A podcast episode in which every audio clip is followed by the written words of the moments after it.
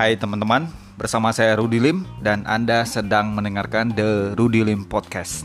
Saya menyapa teman-teman semua dari rumah dan kita sudah di rumah uh, lebih daripada 40 hari terutama untuk warga Jakarta dari sejak 15 Maret uh, sesuai anjuran Presiden Jokowi di mana kita semua dianjurkan untuk belajar di rumah, bekerja di rumah dan beribadah di rumah. Nah, pada 15 Maret saya sudah di rumah sampai sekarang sudah masuk ke 44 hari. So, sudah lebih dari 21 hari. Sudah menjadi sebuah kebiasaan baru, the new normal.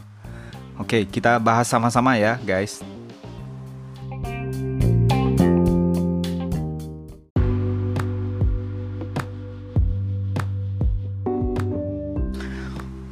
Oke, teman-teman. So, sekarang kita sering kali mendengar sebuah kata istilah baru yaitu the new normal. Mungkin sebagian kita sudah tahu, sebagian dari kita berpikir dan bertanya sebenarnya the new normal itu apa sih? Nah, saya pengen sharing dengan teman-teman menurut definisi saya. Jadi ini tidak baku ya. Menurut saya the new normal adalah sesuatu keadaan di mana uh, situasi ini belum pernah kita alami ya sesuatu yang tidak biasa sesuatu yang tidak pernah kita alami bahkan seumur hidup kita kita belum pernah alami. Contoh pada saat pandemi covid corona ini yang saat ini terjadi sesuatu yang saya pribadi belum pernah terjadi. Bahkan kita disuruh di rumah aja. Seumur hidup 37 tahun belum pernah kondisi seperti ini. Jadi ini sudah menjadi sebuah new normal kita di Jakarta seperti yang tadi saya update dari sejak 15 Maret dari Presiden Jokowi sudah menganjurkan kita semua untuk stay at home, belajar dari rumah, bekerja dari rumah dan beribadah di rumah. Dan sampai hari ini kita sudah masuk ke hari ke-44, 45 dan bagi saya itu telah telah menjadi sebuah new normal.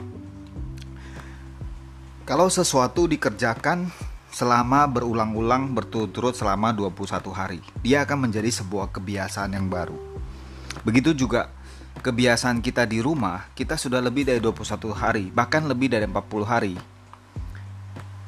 Itu akan menjadi sebuah kebiasaan baru. Mungkin teman-teman ada yang baru 2 minggu, 3 minggu, 4 minggu, saya pribadi sudah enam minggu. Dia sudah menjadi sebuah kebiasaan. Nah, kebiasaan ini akan membuat banyak hal yang berubah. Kira-kira menurut teman-teman, the new normal situasi kondisi yang baru apa kita di rumah aja seumur hidup kita nggak pernah uh, waktu kita menjadi banyak sekali kita awalnya bingung harus berbuat apa awalnya mungkin teman-teman sama seperti saya menganggap semua seperti kayak liburan so kita santai aja uh, bangun lebih siang lebih santai uh, nonton film dengar musik dan sebagainya tapi setelah dua minggu, tiga minggu, empat minggu, lebih dari satu bulan. Apakah kita mau terus-terusan begitu? Dia mengganti pola semua menjadi sesuatu yang baru, ya. Untuk kita sebagai orang kerja, Anda work from home. Bukan berarti uh, tidak kerja, bukan berarti libur, tapi mengubah uh, rutinitas kerja itu jadi di rumah saja. So, banyak teman mulai set up uh, meja kerja, uh, ruang kerja, kondisi suasana yang kondisi, kondusif untuk mendukung kerja. Dan begitu juga kita bagi pengusaha banyak sekali yang kena dampak terhadap uh, situasi pandemik saat ini.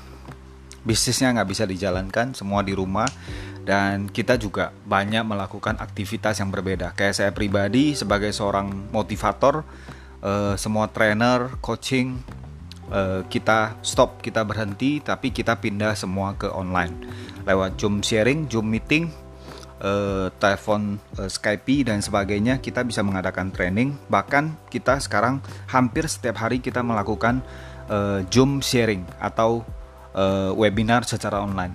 Nah ini menjadi sebuah the new normal Nah, yang saya mau bahas lebih jauh adalah kalau kita sebagai seorang marketer atau sebagai seorang businessman, kita melihat situasi ini sebagai sebuah the new normal. So, kita harus beradaptasi. Apa yang harus kita lakukan?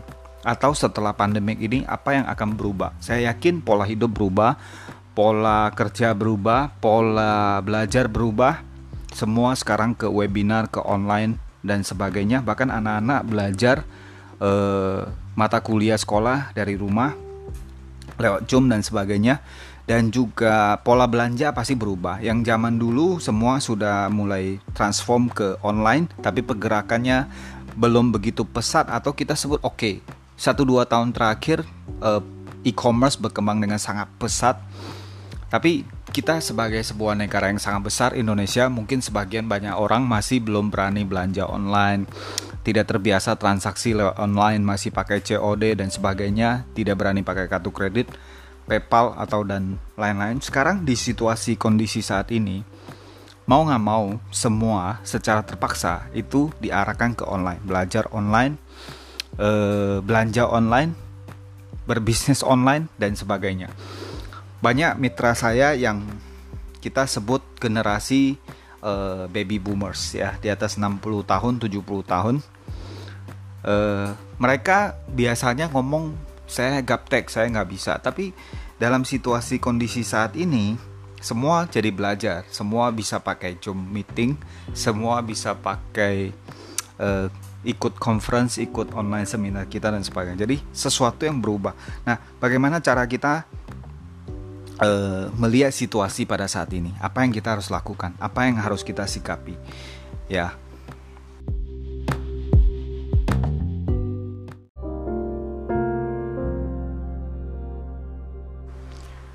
Oke, okay, so apa yang berubah teman-teman? Ya, pola hidup kita berubah, pola belanja kita berubah, pola belajar kita berubah. Dan saya yakin mau nggak mau kita harus belajar new skill. Bagi kita yang tidak terbiasa online, kita harus online. Seperti saya pribadi, kita beradaptasi, kita buat jam sharing, kita buat meeting secara online, kita buat uh, seminar, workshop secara online, bahkan kita buat acara uh, presentasi bisnis kita untuk seluruh nasional uh, dan puji Tuhan di minggu yang lalu kita buat satu acara namanya acara uh, business sharing yang hadir seribu orang. Kita pakai account bisnis dan yang hadir seribu orang. Bayangin yang selama ini mungkin kalau kita buat acara yang bisa hadir hanya yang tinggal di daerah yang berdekatan, misalnya di Jakarta atau bahkan kita buat di Jakarta Selatan yang bisa ikut di Jakarta Selatan atau Jakarta Utara atau mana. Mendadak sekarang lewat Zoom sharing dari seluruh Indonesia bisa ikut dari Sabang sampai Merauke, dari Aceh, Medan dan seterusnya, bahkan sampai Papua. Ada banyak teman-teman kita yang ikut dan bahkan teman-teman ada yang dari luar negeri. Jadi eh ada plus minus dengan online sharing ini bahkan kita bisa kumpulkan semua peserta dan dalam waktu yang sama bersamaan. Tentunya ada uh, efektivitas kerja yang kita bisa capai di sana. Dan juga kita belajar skill baru ya. Uh, saya yakin sekarang banyak teman-teman belajar bikin kue, belajar masak atau satu hal yang lucu. Sekarang banyak ibu-ibu belajar untuk gunting rambut. Berapa banyak orang ibu-ibu di rumah yang jadi bisa gunting rambut atau suami-suami yang meminta istrinya untuk bantu gunting rambut. Mendadak Anda bisa jadi uh, apa? Uh, gunting rambut dan banyak hal yang baru dan tentunya kalau kita bicara tentang bisnis kita nggak bisa tinggal diam. Saya yakin eh, seberapa besar skala bisnis kita itu makin besar makin kena dampak ya hampir semua industri kena dampak terhadap eh, pandemi corona ini terutama industri berkaitan dengan pariwisata, traveling, penerbangan, hotel dan juga eh, banyak hal semua kena dampak Bahkan beberapa perusahaan multinasional yang besar sekelas McDonald menutup ratusan uh, outletnya dan sebagainya. Ya, banyak perusahaan besar merumahkan uh, mem-PHK karyawannya. Kita dengar update terbaru di Indonesia saja sudah mencapai angka 3 juta PHK. Dan kita nggak tahu kondisi ini bisa bertahan berapa lama, 3 bulan, 6 bulan, setahun, dan bahkan efeknya itu akan jangka panjang. Jadi kita semua harus beradaptasi, kita semua harus lakukan sesuatu yang baru, new skill, apa yang kita bisa belajar untuk menghadapi the new normal ini, sehingga kita tidak jatuh terpuruk atau kita tidak tergilas oleh uh, perubahan ini dan juga masalah yang dihadapi uh, oleh global seluruh orang seluruh dunia ya. So kita harus kreatif dan juga beradaptasi tentunya banyak hal yang mungkin kita harus berubah. Uh, unit bisnis kita kita harus pindahkan ke online. Kita harus uh, berusaha mencari cara apa yang harus kita bisa lakukan sehingga kita bisa tetap bertahan di dalam situasi pada saat ini. Jadi saya pribadi uh, dalam podcast kali ini saya mau sharing ada tiga tips buat teman-teman semua bagaimana kita semua bisa menghadapi pandemik corona virus ini.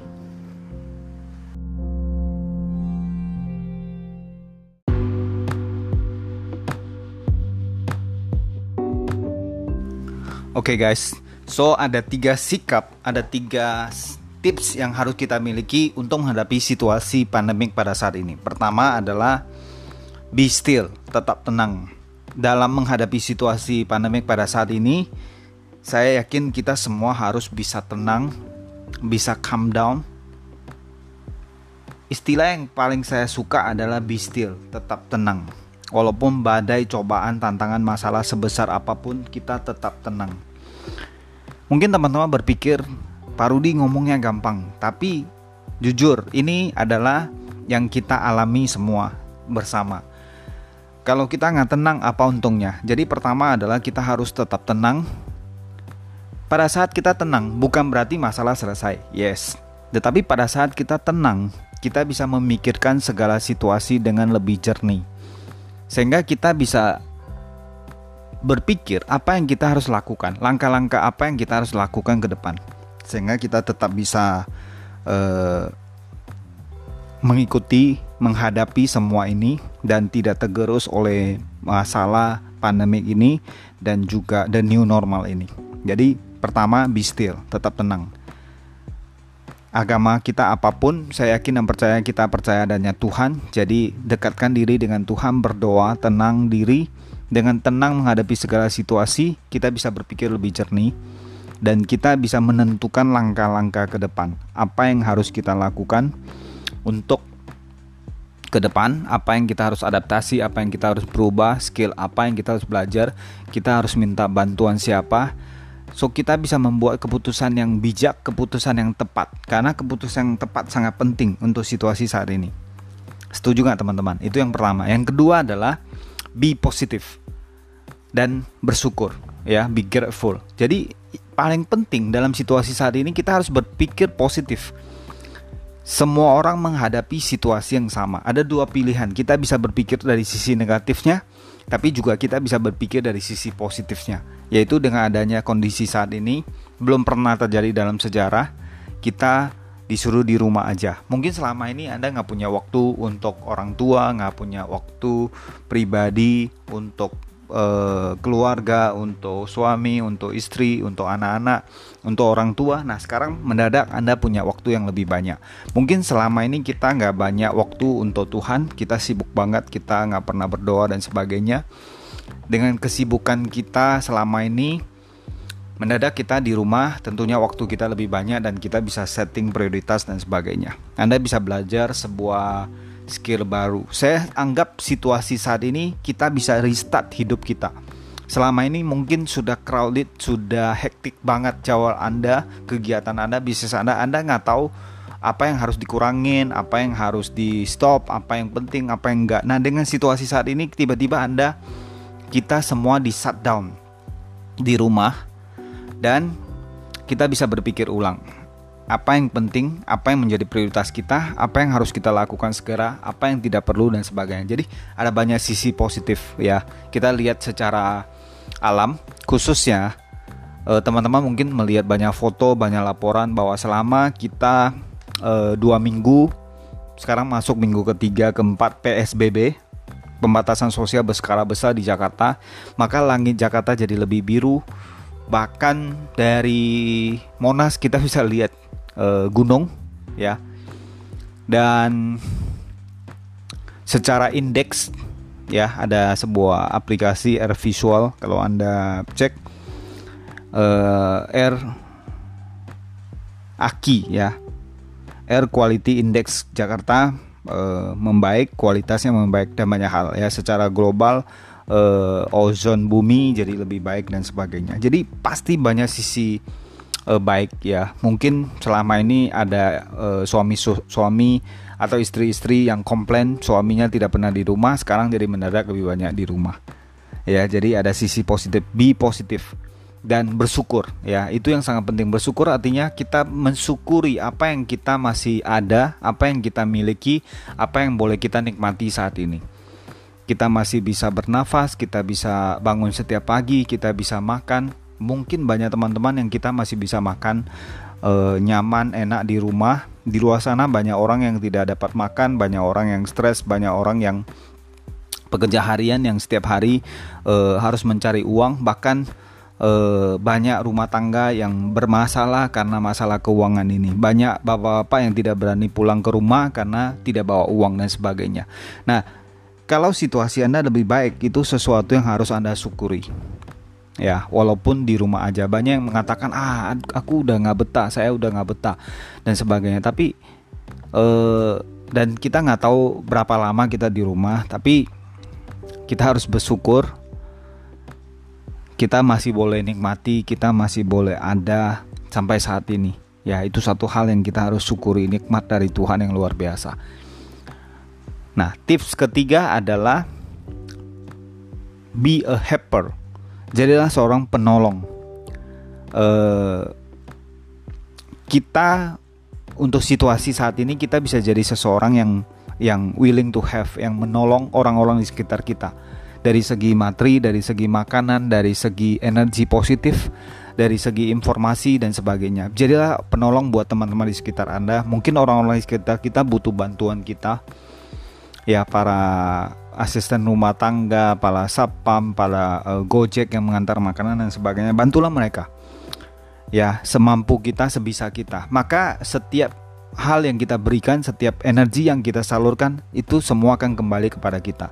Tentunya ketika kita bantu orang, kita semua akan lebih happy, lebih bahagia, merasa lebih bermanfaat, dan energi positif itu selalu kembali kepada kita. Pasti, saya yakin banyak hal-hal baik, banyak hal-hal yang luar biasa akan kembali dalam hidup kita. Ya, so semoga praktekkan tiga tips sederhana. Pertama, be still, tetap tenang. Kedua, be positive and be grateful. Yang ketiga adalah be a helper. Jadi seorang penolong yang luar biasa, penolong yang baik. Dan saya yakin apa yang kita lakukan itu akan membuat kita menjadi lebih baik, menjadi kita lebih berdampak, kita lebih tenang, lebih tajam. Apa yang kita harus lakukan sehingga kita bisa lewati situasi ini sama-sama dan semoga situasi ini cepat uh, bisa diatasi, cepat bisa berlalu dan semua kita bisa lewati uh, situasi saat ini.